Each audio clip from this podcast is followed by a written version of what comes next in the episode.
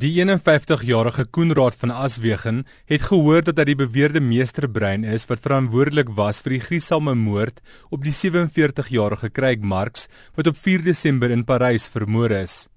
Daarom het van Aswegen die drie tienerseuns en sy 21-jarige seun, JR van Aswegen, hierby betrek. Al vyf is in hegtenis geneem na een van die twee minderjarige seuns wat nie geïdentifiseer mag word nie, die misdaad aan die polisie erken het en vir hulle gaan uitwys het waar Mark se liggaam in 'n stormwaterpyp sowat 15 km buite die dorpie gelaat is. In haar uitspraak het Landros Night melding daarvan gemaak dat die twee van Aswegens en die ander tienerseun glo vir Marks met 'n staalpyp aangerand het.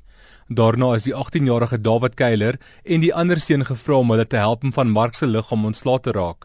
Maar wat hulle glo nie besef het nie, is dat Mark nie van die aanranding gesterf het nie, maar dat hy wel versmoor het na hulle hom in plastiek toegedraai het. Nadat dit borgtog vir die drie mans geweier omdat sy saam met die staat stem dat hulle 'n vlugrisiko is. Dit kom na die twee van Aswegens en Keiler onderskeidelik in Odendaalsrus en in 'n ander dorp gaan skuil het toe die polisie hulle vir ondervraging gesoek het. Keiler het verlede week gevra om te mag voortgaan met sy hoërskoolloopbaan, hangende die verhoor, maar na het dit van die hand gewys en gesê niemand het tydens die borgtog aansoek bewys dat hy eers toegelaat sal wees om terug te keer na die hoërskool Parys. En soos wat Night haar uitspraak afgehandel het, kon die 40-jarige vrou van van Aswegen en die ma van JR gehoor word soos wat sy kliphard gehuil het. Sy wou anoniem bly, maar het gesê sy sal by haar gesin staan, maak nie saak wat nie. Reg met seker geskied. As ma se heeltemal hart gebroke. Ek weet regtig nie wat om te sê nie. Sy sê egter sy is verbaas dat haar man die moord gepleeg het. Dis die seerste van alles is 24 jaar met hom getroud. Hy het nooit so iets, hy was nooit wreed, my kinders ook nie. Ek voel ongelukkig want my man het kinders daarbey betrek. Maar dis my lewensmaat, maar dit regverdig nie wat hy gedoen het nie. Dis vir die Here van my verwag, so ek sal by sy sy bly. My seun, my man, ek sal nog steeds by hulle wees. Maar dit regverdig nie die daad nie. Die vrou se suster sê Landros Night tot die verkeerde besluit gekom en dat haar swaar en neef op borgtog vrygelaat moes word. Weet jy, dis verskriklik skokkend.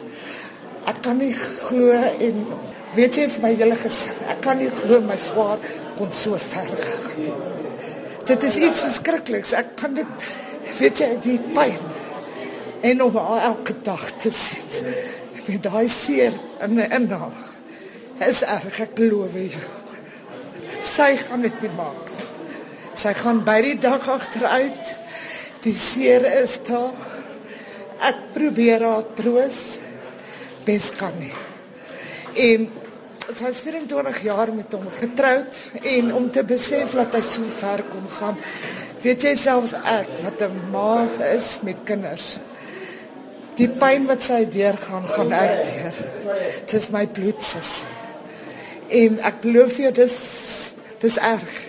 Maar sommiges van diegene wat die saak bygewoon het, was verlig oor die uitspraak, so veral die 54-jarige Ella van der Schuyf, Mark se vriendin. Totale verligting. Ek is bly die ding het geloop soos dit geloop het. Ons 'n duidelike regter of 'n uh, magistraat wat presies weet hoe die dinge moet verloop en ek is baie baie verlig. Dit blyk egter dat dit nie die eerste keer is wat die van Aswegings by so 'n tipe misdaad betrokke was nie. Dit kom na monitor met nog 'n sakeman van Parys gesels het wat beweer hy is gedreig dat sy vrou en pasgebore baba vermoor sal word as hy nie R50000 aan die beskuldigdes oorbetaal nie. Volgens Andre Takker, 'n loodgieter van Parys, het JR vir hom gewerk so wat 'n jaar gelede toe al die goed met hom gebeur het. Takker het vir Ansa Consult aangestel om die saak te ondersoek en hulle het glo bevind dat JR van Aswegen agter die hele bedrogspel gesit het. Ansa Consult se uitvoerende hoof, Andre Niman, is boonop gevra om die borgtog aansoek by te woon en sou getuig het as hulle hom nodig gehad het. Na verwagting sal dit nou deel van die verhoor vorm.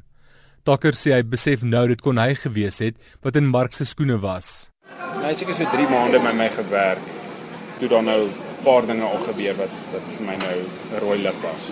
Na so tussen 2 en 3 weke wat hy by my gewerk het, toe kry ek 'n dreigement oproep van 'n 016 nommer af. Dis nie mos hier van 'n byvereniging area. Dit was toe 'n stem wat in Engels toe met my gepraat het en my gesê het, "Ehm, um, hallo Mr. Tucker. listen very carefully. I know where you live and if you don't agree to pay me 50,000 rand, I will kill your wife and your kid. Ek het 'n babatjie wat nou 1 jaar oud is. So, so op daai stadium was hy 'n paar maande oud. Dit dit was my groot skok. Dit was Andre Takker, 'n sakeman van Parys. Die saak sal op 2 Februarie hervat wanneer daar moontlik op 'n verhoordatum besluit sal word. Ek is Jacques Steenkamp in Johannesburg.